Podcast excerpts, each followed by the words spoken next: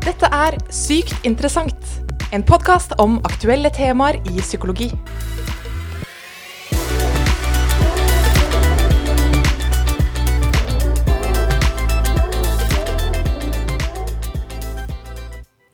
Hei og velkommen til en ny podkastepisode. Temaet for denne episoden er hvordan mentale prosesser, altså tanker og følelser, påvirker hvordan vi opplever smerte. For smerte er jo ikke rent eh, fysisk, så jeg er nysgjerrig på hvordan psyken og det fysiske henger sammen. Og for å snakke om dette, så har jeg invitert fysioterapeut og høyskolelektor på helsefagavdelingen, Stian Valle Larsen. Velkommen. Hei, takk skal du ha. Når var sist eh, du opplevde smerte? Eller kanskje du har smerter akkurat nå? Ja, det har jeg faktisk. Jeg har uh, vondt i en skulder spesielt. Uh, det kom det er mange år siden det begynte. Etter en, det er noen fall på brett bl.a. og trening. Mm -hmm. Så er det ikke lenge siden jeg hadde korsryggsmerter. Også etter en litt for ivrig treningsøkt, som, ja, som sikkert de fleste har opplevd, tenker jeg. Ja, som alle andre, eller som de fleste andre, sier du. Uh, og det med korsryggsmerter, det skal vi komme tilbake til. Um, og smerte er jo noe alle opplever, og det er jo en naturlig forsvarsmekanisme som vi er avhengig av for å, ha, for å overleve. Men smerte er jo også et stort samfunnsproblem, ettersom det fører til mye sykefravær og funksjonsnedsettelse og nedsatt livskvalitet. Spesielt da ved langvarige smerter. Og de aller fleste opplever f.eks. korsryggsmerter, som, som du sier også. Så det kan jo være fordelaktig å kunne litt om dette. Og det tenker jeg jo du eh, Du sitter jo på en del kunnskap, for eh, pasienter de kommer vel til deg stort sett fordi de har vondt et sted, eller? Uh, ja, det er jo hovedsakelig derfor de kommer, håper jeg. og spesielt i de tider vi er i nå, med så mye hjemmekontor. Da opplever vi flere og flere som kommer med smerter relatert til akkurat det, uten noe spesiell skade. Uh, og vår jobb da, det er jo å forsøke å holde folk unna sykefravær, og, og, prøve å lære mennesker om kropp og helse, da, egentlig. Ja, nei, hjemmekontor er vel ikke akkurat det beste for kroppen, eh, kan jeg tenke meg. Nei, det er jo ikke det. Men uh, nå skal det sies da at smerte som en fysisk respons, det er jo en veldig positiv ting. Som du sa tidligere, det er jo nødvendig for å overleve. Og, uh, men det er noe slik at det vi attribuerer smerten til, eller den årsaken vi tillegger smerten, det vil også kunne styre i hvilken grad vi opplever smerte. Ja, så hva vi tenker om smerten vil ha betydning for hvordan vi opplever den.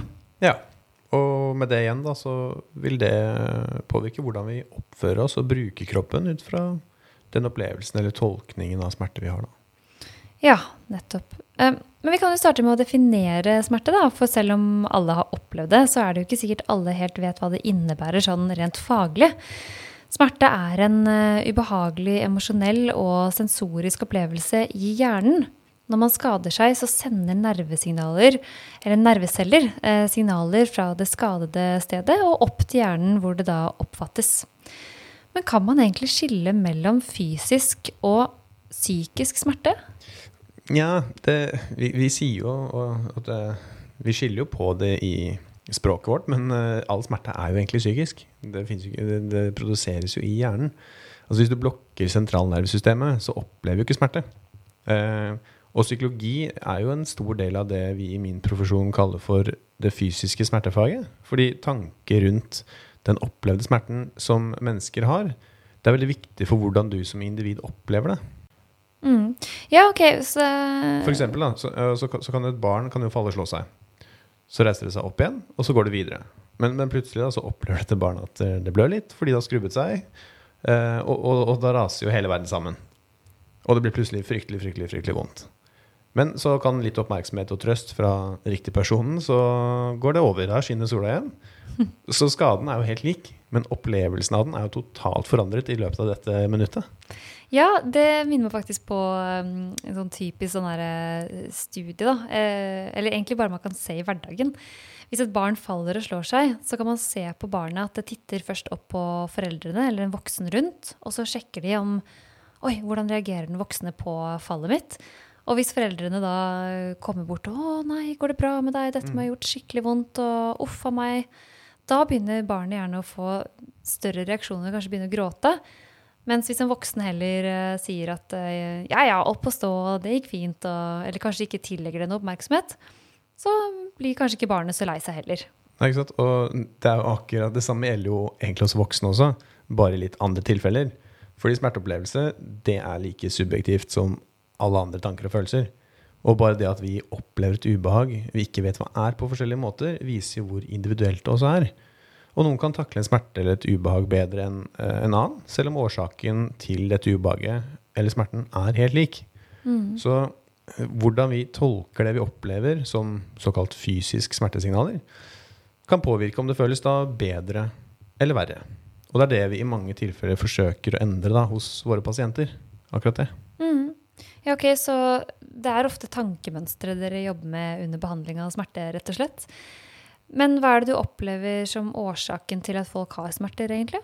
Altså, helt basically så er det slik at i mange tilfeller handler det om at enten er du for sterk, og det skaper smerte pga. overtrening og spenninger, eller så er du for svak for det man utsetter kroppen for. Altså du overgår kroppens kapasitet, om du vil. da. Mm. Og det siste er jo ofte da tilfellet ved smerter som ikke kommer pga. akutt skade. fordi vi blir jo ikke akkurat mer aktive i morgen. Det må man innrømme. Ja, det gir mening, men eh, hvordan jobber du da med å endre disse tankene og opplevelsene i praksis? Altså du sier at du uh, jobber med opplevelsen av smerten. Uh, hvordan konkret gjør du det? Eh, altså det er jo mange måter og, og mange prosesser, men jeg pleier å si noe så upolitisk korrekt som at du må lære deg å gi litt faen. altså Du må endre tankemønster. da. Eh, tenke annerledes om smerten. Ikke bry deg så mye om det du opplever som ubehagelig eller vondt. Ja, det, og da, snakker vi selvfølgelig om ufarlige tilstander, Mm. eh, men også med litt mer alvorlige tilfeller eh, hvor det ikke er farlig for, eh, med, med, med bevegelse. Det er f.eks. etter en operasjon, for eksempel, eh, hvor det er viktig da med god opplæring av pasienten, slik at de tør å bevege seg. Eh, og da går vi ganske detaljert inn i anatomien, faktisk. Eh, og her er det i mange tilfeller helt elementært at de begynner å bevege seg for å få bedring Mm. og kunne trene seg opp igjen. Og har man da kunnskap om smertemekanismer og kroppen, så tør ofte pasientene å utfordre bevegelsene som fører til ubehaget, fordi man ikke er redd for at noe går galt. Og det vil føre til at de får bevegelse i ledd og muskulatur og i bindevev, som ofte er positivt for både progresjon i funksjonen, men også for smerten. Og det er bare fordi pasienten endrer sin holdning til det. Ja. Så rett og slett gi litt mer faen, altså ikke gi det så mye oppmerksomhet og bry seg så mye. Jeg må kanskje legge på sånn pip når vi sier det. Eh, og som du sier, kunnskap rundt eh, smerte er altså noe av det du gjør da, for å behandle, mot, eh, eller behandle smerten. Ja, jeg prøver å få dem til å endre tankesettet sitt, egentlig. Um, Jeg får en del telefoner hvor man bare må gi egentlig pasienten økt kunnskap om det. Um, Det er for eksempel ved litt overtråkk, da. Det er noe typisk folk ringer inn for og spør om hva skal gjøre. Og da, det å bare vi, snakke litt med dem om årsaken og si at du begynner å bevege deg, det er ikke noe farlig selv om det gjør vondt, og det kan hjelpe veldig mye. Uh, Og det, det sier ikke noe om hvor smerten kommer fra, eller sånt, men det er bare, det er ikke så farlig, dette er ok, selvfølgelig hvis det ikke er en skade. Og så ja, bedrer det seg. Altså, eh, da er det selvfølgelig viktig å kunne skille mellom det vi kaller farlig og en ikke-farlig smerte. da. Det skal sies. Ja, det er jo selvfølgelig Vi snakker jo ikke om å endre tankesettet hos en med akutt skade, akkurat. Eh, Bare tenk deg frisk. Men, så det du sier, da, er at kunnskap og informasjon om smertene, og finne ut av måte, årsaken og, eh, og sånn rundt dette her, det kan redusere opplevd smerte.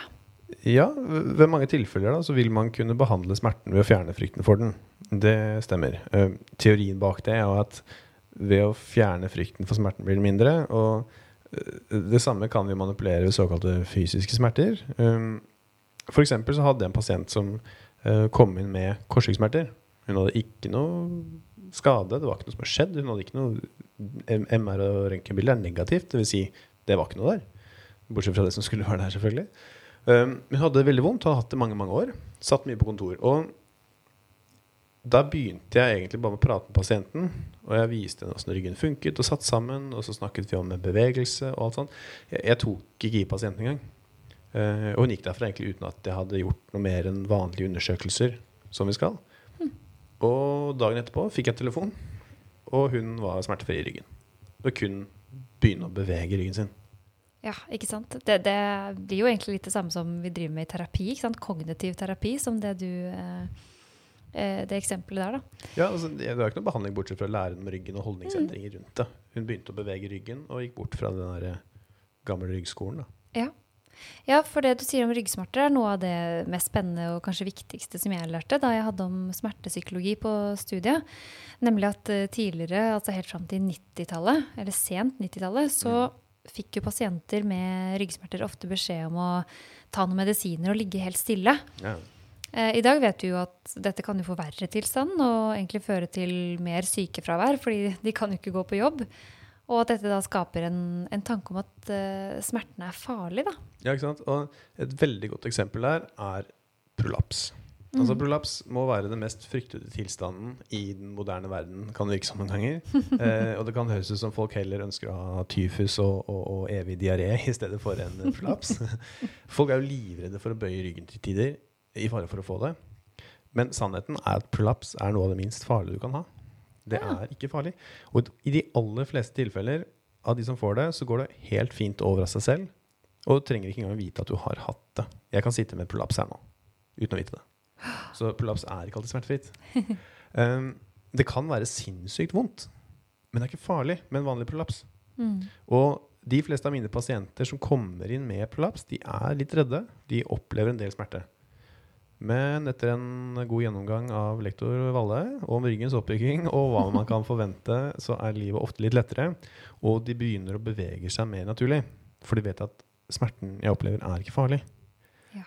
Og det er det folk tror eh, de har om de opplever det vi kaller diffuse korsryggsmerter. Eller kommer du fra legen, så står det lumbago på papiret ditt. Og det kan komme plutselig eller gradvis. Og Lumbago diffuse korsryggsmerter koster oss milliarder av kroner i sykefraværspenger hvert eneste år. Og de fleste av disse tilfellene kunne nok vært unngått, eller i stor grad i hvert fall forbedret, ved å lære folk om ryggen, åssen den bygges opp, funker, og hvorfor det gjør vondt. Og at det ikke er farlig. Og det vil da gjøre det lettere for dem å bevege seg igjen, og bevege ryggen. Som igjen vil redusere smertene. For det er sånn, vi har 24 virvler oppover ryggen, og hver av de har hvert sitt legg. Så det er klart, det sier seg selv at disse skal bøyes. Ellers hadde du hatt en rett stake tvers gjennom, ikke ledd. Og den tåler sinnssykt mye. Så eh, den gamle ryggskolen begynner å bli relativt utdatert, og i verste fall så kan det føre til mer smerte. Ja, det gir jo virkelig mening, det du sier. Og tenk så mye sykefravær vi kunne unngått da, bare ved å gi mer kunnskap og informere folk.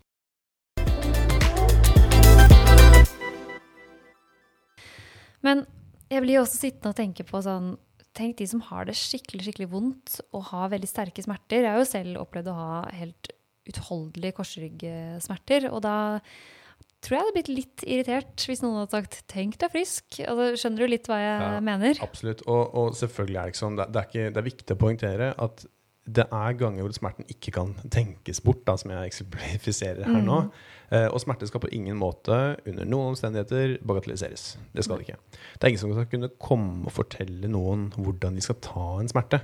Eh, sånn er ikke tøff, eller du er springende og sånn. Den er like reell uansett hva andre mener om den. Og det er tilstander og skader vi ser hvor det ikke vil hjelpe å ha en positiv tanke rundt det. Altså, brekker du en arm, så kan du ikke bare gå ned i lotusstillingen og tenke den bort. En prolaps kan være så kraftig at den hemmer deg helt pga. smertene, og du blir liggende. Og det er viktig å anerkjenne det også. Så om du opplever vondter, er det også viktig det der med å anerkjenne at dette er reelt. Og har du vondt, så har du vondt. Um, mitt mål som behandler er bare å kunne lette litt på mine pasienters smerte. Og det å endre tankemønstre har vist seg å være et veldig effektivt redskap da, til uh, tilheling og smertelindring for uh, enkelte. Ja. ja. så man må vel ta situasjonen og grunnen for smerten i betraktning, eh, som du sier. Eh, men jeg finner det uansett veldig fascinerende at psykologien da har så stor effekt på opplevd smerte. Hvordan du tolker det og mm. Ja, altså eh, På mange måter da, så kan du sammenligne det med, med placebo, f.eks. Jeg elsker placebo. Det tror jeg er en veldig god medhjelper i egentlig all fysikalsk behandling. For på samme måte som placebo ikke egentlig endrer noen ting, men har en kjempestor effekt, så endrer jeg heller ingenting ved å fortelle at dette er ikke farlig. Men det hjelper ofte for det. Mm. Og noe av det beste jeg vet eh, å si til folk også, er at det er samme for meg hvilken behandling du velger, om det er fysioterapeut, kiropraktor, akupunktør eller, eller hvem du går til. Så lenge det hjelper deg, du har tillit til dem, og du blir bedre av det. For det er det som er det viktigste. Ja, denne tilliten som du sier, eller den alliansen, da, vet man jo er veldig viktig for utfallet av eh, behandling. Eh, også i terapi. Så for å oppsummere litt, da, så er det ikke noe klart skille mellom fysisk og psykisk smerte. De henger rett og slett veldig tett sammen. Mm. Og opplevd smerte kan behandles ved å endre tankesettet eh, gjennom f.eks. å få mer kunnskap og informasjon om eh, smerten. Det det fjerner kanskje denne frykten for at eh, smerten er uh, farlig, da. Ja, altså, det er i hvert fall virkemidler som har vist seg å funke bra for oss som jobber med fysikalsk behandling. Og det viser jo hvor viktig det psykologiske aspektet er, da, også for oss. Mm. Ja, psykologien den sniker seg inn i de fleste fagfelt. Ja. Men eh, tusen takk for at du ville dele dine erfaringer og ikke minst kunnskap om eh, smerte, Stian. Tusen takk, bare hyggelig. Jeg heter Mette, og vi ønsker deg en smertefri dag videre. Du har nettopp hørt en episode av Sykt interessant, en podkast om aktuelle temaer i psykologi.